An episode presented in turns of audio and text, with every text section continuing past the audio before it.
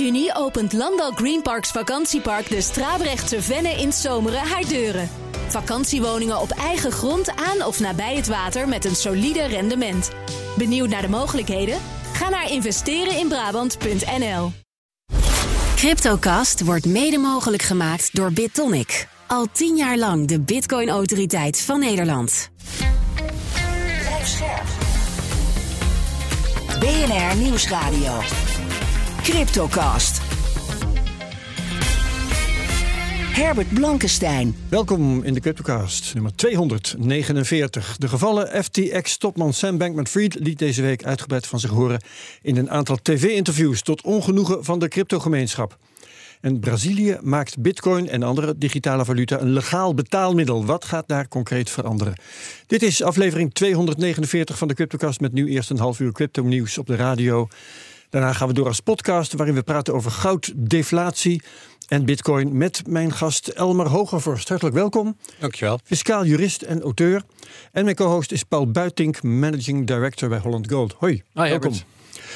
Een disclaimer, wij doen geen beleggingsadvies. Vorm je eigen mening, maak je eigen keuzes. Geef ons niet de schuld. Crypto is wel eens lucratief, maar soms ook riskant. Nou, eh, denk bijvoorbeeld aan de gevallen topman Sam, Sam Bankman-Fried van FTX en van Alameda Research. Hij heeft de afgelopen week diverse interviews gegeven. Veel van zijn antwoorden schoten de cryptogemeenschap in het verkeerde keelgat. Paul, ehm, je bent eh, terug na een aantal weken weg geweest. Leuk. Ehm, hoe eh, zie jij het drama, want daar hebben we jou nog niet over gehoord, van eh, FTX en Alameda?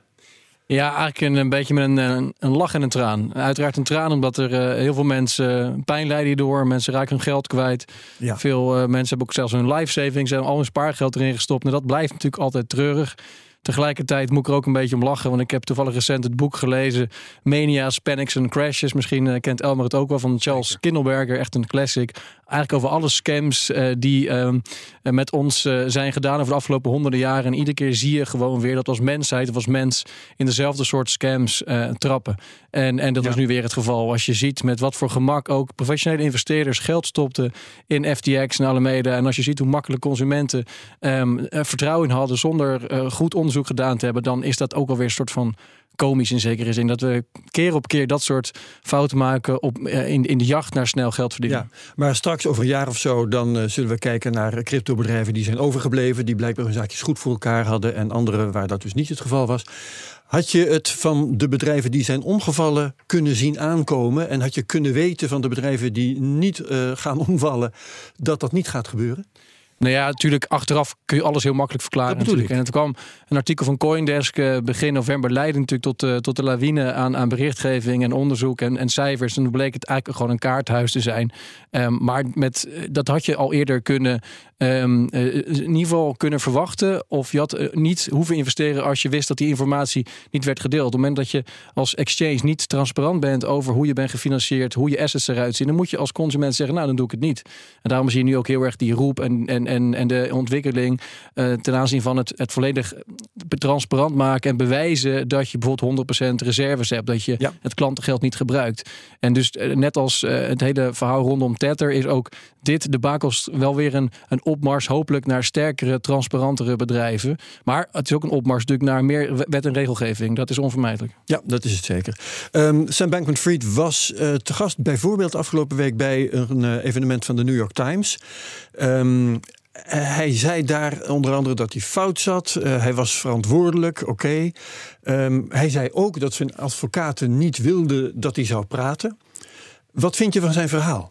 Ja, het En het feit dat hij het hield trouwens ook. Ja, het is heel dubbel. Enerzijds is het natuurlijk de prijzen dat iemand eh, eh, niet eh, zich verstopt en open is over, althans open, dat is maar de vraag natuurlijk, maar in ieder geval zijn ervaringen deelt, zijn excuses aanbiedt. Ehm, veel advocaten wereldwijd hebben het met afreizen aangezien en zeiden dat het eigenlijk Ja. zonder, eh, zonder eh, precedent was, dat niemand eigenlijk normaal dit doet. Want je- Eigenlijk handelt hij niet in zijn eigen belang. Nee, dat kun je mooi mogelijk niet. vinden. Mogelijk niet. Ja. Mogelijk maakt hij zichzelf natuurlijk eh, eh, schuldig. Tegelijkertijd, ehm, er zijn nu twee varianten. Is hij inderdaad eh, die die, ehm, dat, dat een mastermind, die, die meeste crimineel die, die gewoon gefraudeerd heeft? Of, of is het gewoon een hele zullige jongen die echt helemaal geen idee had wat er gebeurde? En hij probeert, denk ik, door deze strategie te bewijzen dat hij naïef is. Ook dat hij zo naïef is om zichzelf nu uit te spreken. Daarmee bevestigt hij misschien wel dat het gewoon zo'n naïef jongen is. Dat hij daardoor misschien op basis van incompetentie wellicht wel wordt veroordeeld. Maar relatief licht ten opzichte van het, ja. het, het, scenario dat hij het gewoon echt bewust iedereen om de tuin heeft geleid. Dus ik denk dat hij die strategie kiest. En of het verstandig is, dat moet blijken. Maar... Ja, hij, hij zegt met nadruk: ik heb niet gefraudeerd. Dus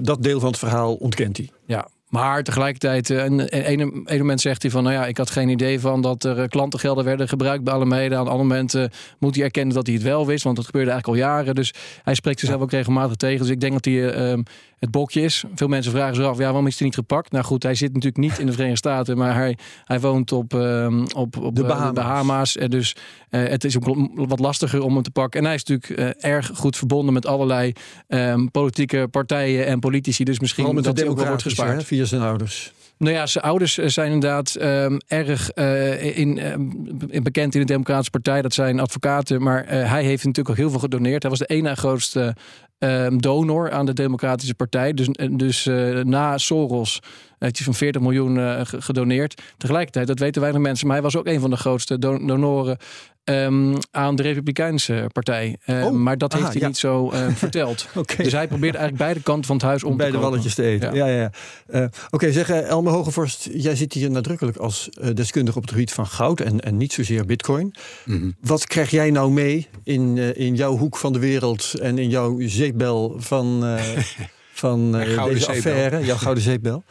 Ja, nou, van de, van de zijlijn uh, zeker volg ik het uh, wel. Niet, niet zo gedetailleerd misschien zoals Paul dat doet. Maar ehm, ja, ik heb ook wel van die berichten gelezen over wat er bijvoorbeeld op de balans stond van FTX. En dat dat vaak eigen tokens waren die daar dan opgezet werden. Ja, ik bedoel, als je op die manier probeert om een stuk uh, te laten zien dat je heel vermogend bent. Maar dat zijn uh, eigenlijk tokens die je zelf net gecreëerd hebt. Ja, ja dat, dat geeft wel aan uh, dat, nou ja, dat het niet helemaal zuiver op de gratis, ja. om maar zo te zeggen. Haal jij hieruit het verhaal van zie je wel, goud is toch beter dan bitcoin? Of ga je dan niet zo ver? Nou ja, dat, kijk, dat, dat vind ik altijd wel weer het pijnlijke en ook het jammere, het jammerlijke aan dit hele verhaal. Ehm, het, het, het, straalt zo negatief af op, op die hele crypto-wereld. Ja. en um, ja, terwijl um, als je op zich kijkt naar de cryptowereld is er niks aan de hand. Maar ja, er zitten overal zitten rotte appels. En in die zin vind ik dat gewoon wel heel, uh, heel sneu ja, eigenlijk. Slechte bedrijven maken crypto nog niet slecht, bedoel Nee, zo is dat. Ja, exact. Ja, okay. want, uh, wat uh, Bart Mol ook treffend zei van de Satoshi Radio op Twitter. Van ja, Sam had nul bitcoin. Het is, het is, eigenlijk helemaal niet gerelateerd aan bitcoin. Het is wel woorden te hebben, notabene. Ja, dus, dus wat dat betreft is het inderdaad wat, wat Herbert zegt. Het straalt gewoon heel negatief af. Maar als je het helemaal gaat afpellen...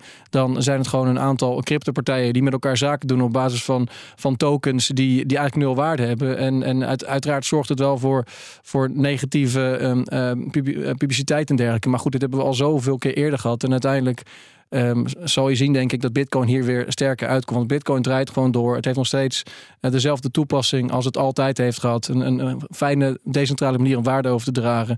Dus uh, ook dit uh, overleven we wel weer als, als Bitcoin-industrie of als Bitcoin-wereld. En ook andere crypto's daarbij opgeteld. Hoor. Maar dit is gewoon even een ja. soort van pijnlijke fase waar we doorheen moeten. Ja, oké. Okay. Mooie woorden om dit deel van de uitzending te besluiten. Gaan we naar de, de prijsanalyse door Bert Slachter van de digitale nieuwsbrief Bitcoin Alpha. Welkom in de uitzending, Bert. Hey Herbert. Um, het instorten van uh, FTX, dus uh, we hebben het erover, het is nu alweer een maand geleden. Kun je uh, nu eigenlijk al de balans opmaken qua invloed op de prijzen bijvoorbeeld? Nou ja, zo langzamerhand wel. De Bitcoin-koers die zit nu een week rond de 17.000 dollar. Um, in september en oktober lag het zwaartepunt rond 19.000 dollar. Dat is 11% lager. En dat is eigenlijk helemaal niet zoveel gezien de enorme puinzooi die Sam Bankman-Fried ervan gemaakt heeft. Ja. Um, maar als je kijkt naar die eerste dagen, die eerste week, eh, zeg maar 11 tot 18 november, dan was daar wel degelijk sprake van paniek. Er werd flink tegen verlies verkocht. En dat doe je doorgaans niet uit luxe of ontspanning. Hè. Dat zijn gedwongen verkopen en uh, hoog volume. En die rust is intussen weer teruggekeerd. Hè. Dus het volume en de volatiliteit zijn weer normaal geworden. Dus ja, ik, je, kunt wel zeggen dat de stof neergedwarreld is. Moeten we wel bij zeggen dat het allemaal de laatste paar weken gebeurd is tegen de achtergrond van tijdelijk gunstige macro-economische omstandigheden. De dollar die werd zwakker. De markt die rekende langzaam op een steeds minder agressieve Fed voor in rent qua renteverhoging en zo. En aandelen werden flink sterker. Dus ja, dat is misschien even wat wind in de rug geweest voor de cryptomarkt. Ja, en als het gaat om de grote cryptobedrijven uh, die stonden te wankelen. Um, moeten we daar nog wat van verwachten? Of zijn die intussen echt in veiliger vaarwater? Nou, er zijn wel af en toe nog. Genesis en uh, Gemini hè, vooral uh, zijn uh, ter sprake geweest. Ja, precies. Ja, er zijn wel af en toe nog kleintjes die nu omvallen. Hè. Vandaag nog bericht over orthogonal trading. 36 miljoen aan leningen die ze niet kunnen terugbetalen. Maar de hele grote, hè, dus Genesis. We hebben, er waren ook mensen die zaten te kijken van... nou, zit het wel goed bij Coinbase en Kraken en Circle en zo. Ja. En Paxos lag nog onder het vergrootglas voor de Binance USD. Maar het, het, de consensus lijkt te ontstaan dat het daar wel goed zit allemaal. Moeten we natuurlijk heel voorzichtig mee zijn. Want zolang de transparantie en de accountsverklaring... en het strenge toezicht ontbreken... kan er achter de schermen natuurlijk slechter zijn dan van buitenaf lijkt. Ja, ja, ja, precies. En goed zit, zeg jij, maar uh, in elk geval niet te slecht zit. Hè? Want bij Genesis uh, was het best wel slecht. Die hadden, was, was het een miljard uh, nodig? Hebben ze dat ja, gekregen dat was? Ja, dat was een miljard, of tussen de 500 en 1000 miljoen hadden ze nodig om te zorgen voor voldoende liquiditeit. Maar ze zeiden ook bij, als we dat niet vinden, dan, gaat dat, dan gaan we niet uh, ons failliet laten verklaren. dus het lijkt vooral een liquiditeitsprobleem te zijn. Kijk, en, en in de groep waar Genesis onderdeel van is, de, de Digital uh, Currency Group, daar zitten ook heel winstgevende onderdelen, zoals Grayscale, die gewoon 400, 500 miljoen per jaar winst maken. Dus voor hun is het echt een kwestie van overbruggen. Ja, oké. Um, je noemde de Fed al. Uh, is het rentebeleid van de Fed al aan het zwenken?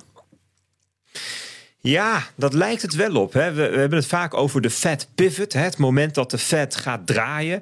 Alleen, um, ja, dat woord is ook een beetje een, een, soort legendarisch concept geworden. Van als dat gebeurt, dan gaat het allemaal goed komen. Maar je moet eerst nadenken over wat is eigenlijk de Fed pivot? Is dat het minder snel gaan verhogen? Is dat het stoppen met verhogen? Hè, dus dat het gelijk blijft? Of is dat het weer gaan verlagen? Ja. En daar zijn verschillende uh, perspectieven op. En ik denk dat het meest zuiver is dat je het bij de Fed pivot hebt over het punt dat het weer gaat verlaagd worden. Ja, dat ligt echt nog wel een eind in de toekomst.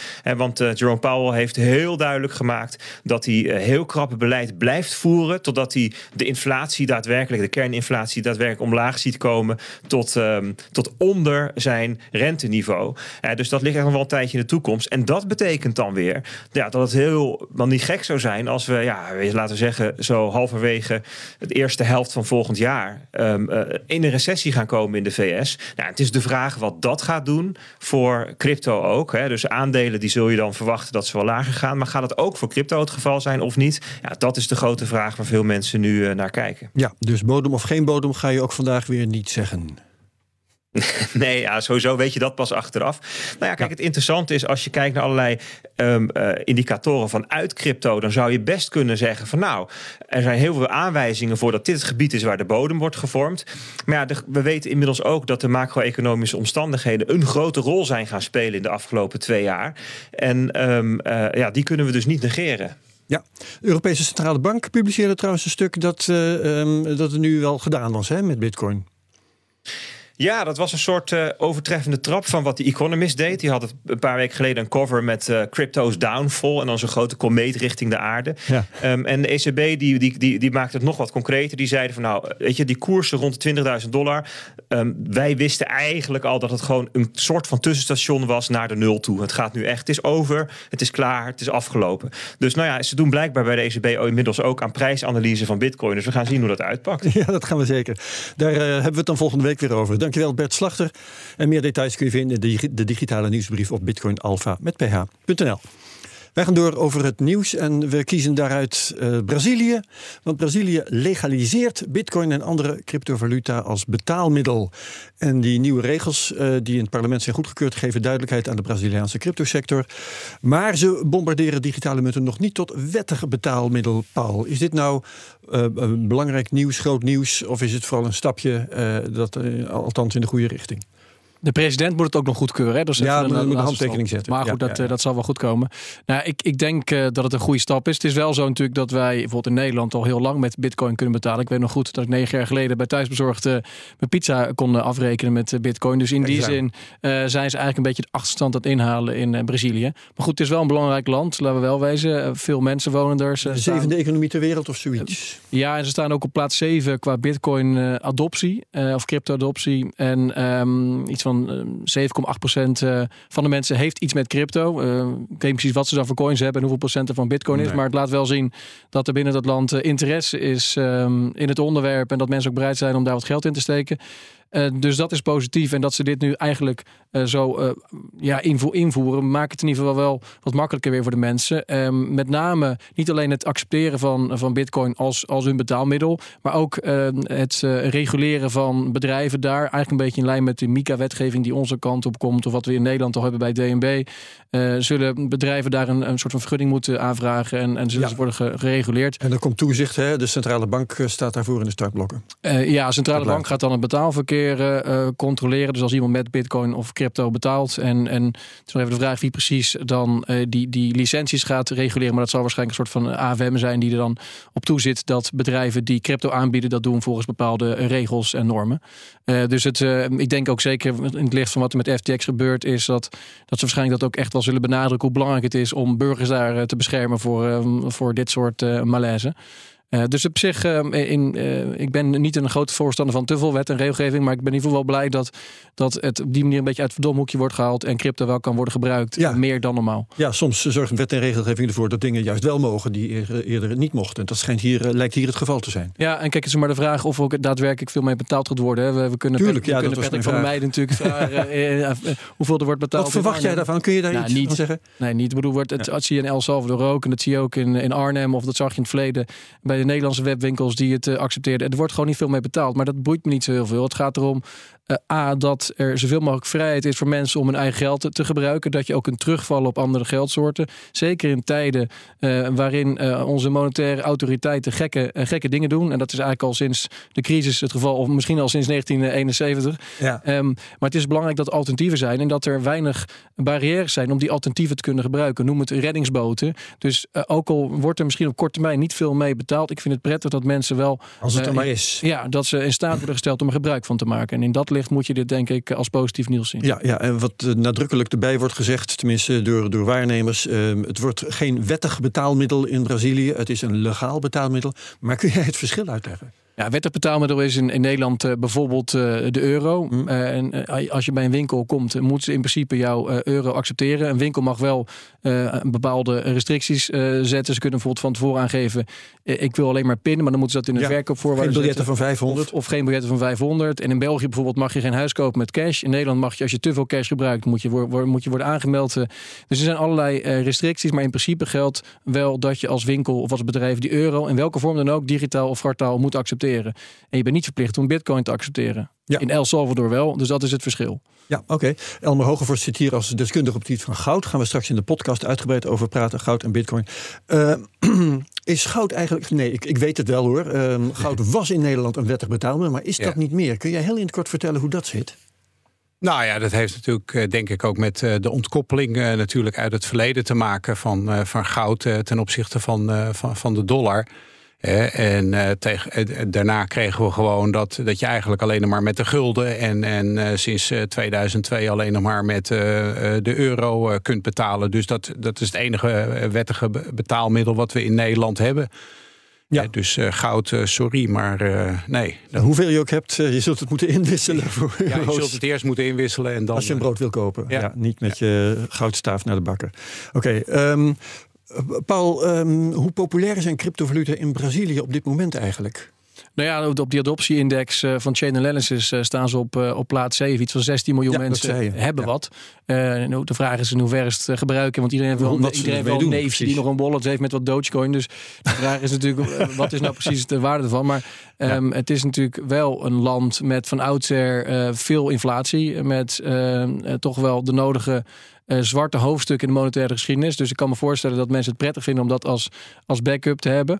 Um, en er zijn allerlei banken ook in Brazilië die het ook um, momenteel hebben geïntegreerd in hun, uh, in hun dienstverlening. Bijvoorbeeld Nubank is een belangrijke neobank, een beetje zoals Revolut hier in Europa. Ja. die biedt ook aan. Die komt ook straks met de eigen munt. Dan gaan bij mij alweer de alarmbellen af. Eigen token bedoel je? Ja, dan, voel, je, dan, dan, voel ik weer een, een, een nieuwe FTX-gevoel. FTX-schandaal aankomen. Dus, dus daar ben ik er niet zo blij mee. Maar goed, het is, die, die infrastructuur wordt wel langzaam maar zeker um, klaargemaakt voor mensen om het veel te gebruiken. Ja, oké. Okay. Geldt, geldt trouwens in Brazilië, net zoals in El Salvador, ook niet dat heel veel mensen geen bankrekening hebben? Uh, dat zal uh, zeker ook uh, in de binnenlanden zo gelden. waar je kijkt, ja, ja, ja, ja, Nee, absoluut. Dat geldt eigenlijk in heel Zuid-Amerika. Het is natuurlijk wel heel erg hard aan het veranderen nu. Want iedereen heeft wel een, een mobiele telefoon. En, en, dat soort nieuwe banken, die zijn gewoon vaak mobile only. Dus ik denk dat het stukje unbanked in Zuid-Amerika heel snel weggaat. Je hebt in de Amazon, de Amazon heb je hier en daar wel van die plekken waar veel goudzoekers actief zijn. Denk ze daar vooral weinig bankrekeningen ja. Daar kun je wel wat geld betalen, denk ik. Ja. Met, met klompjes. Oké. Okay. Um, Elmer, wij gaan het hebben over over de podcast uh, die we straks opnemen. Um, jij bent dus voornamelijk geïnteresseerd in edelmetalen. Maar uh, wat is dan jouw idee van Bitcoin, uh, wat wel het digitale goud wordt genoemd? zie jij dat ook zo? Nou ja, kijk, ik, wat, ik doe, ik, ik praat ook vaak met klanten over bescherming van hun vermogen. En, en een van mijn uitgangspunten is dat je geld uit het banksysteem moet halen, omdat ik daar nog steeds wel wat risico in zie zitten. En, uh, en dat geldt voor goud. Hè, dat je, dat, uh, huizen haal je ook, uh, dan haal je het geld natuurlijk ook uit het banksysteem. Voor goud geldt dat, maar voor bitcoin is dat wat dat betreft niet, niet anders. dus ja. in die zin vind ik het een, een interessante, sowieso een hele interessante toevoeging bij iemands vermogen dat, het dus, uh, dat je wat minder uh, exposure hebt uh, ja. voor wat betreft je bankrekening. Ja, en beide worden ze wel genoemd als bescherming tegen inflatie, een hedge. Um, de laatste cijfers wijzen erop dat sinds 1 januari 2018, gecorrigeerd voor de inflatie, zowel bitcoin als goud het eigenlijk niet hebben gered. Um, vallen ze door de mand of is dat een korte tijdelijke, uh, kort tijdelijk verschijnsel? Ja, ik denk dat je dat uh, vooral als een, uh, een korte termijn verhaal moet zien. Als je Vijf jaar? Ja, nou ja, goed. Als je de, over de lange termijn uh, kijkt, dan zie je va veel vaker dat, uh, dat, dat wel uiteindelijk ja. uh, inflatie en, en, en hoge rentes samengaan met ook hoge koersen. Oké. Okay. Eh, maar niet, eh, maar niet zo op de hele korte termijn één op één. Nou ja, goed, je, je vijf, vijf jaar is natuurlijk een hele termijn al. Maar uh, ik denk dat dat uiteindelijk goed gaat komen. Gaan we straks verder over doorpraten in de Cryptocast. Tot zover de Cryptocast op BNR, op de radio. Dank Elmer Hogervorst, dank mijn co-host Paul Buitink. Wie meegaat naar de podcast, tot zo direct. Wie het hierbij laat, is prima. Graag tot volgende week bij de Cryptocast opnieuw op BNR. Cryptocast wordt mede mogelijk gemaakt door BitTonic. Al tien jaar lang de Bitcoin-autoriteit van Nederland. 1 juni opent Landal Green Parks vakantiepark de Strabrechtse Venne in Zomeren haar deuren. Vakantiewoningen op eigen grond aan of nabij het water met een solide rendement. Benieuwd naar de mogelijkheden? Ga naar investereninbrabant.nl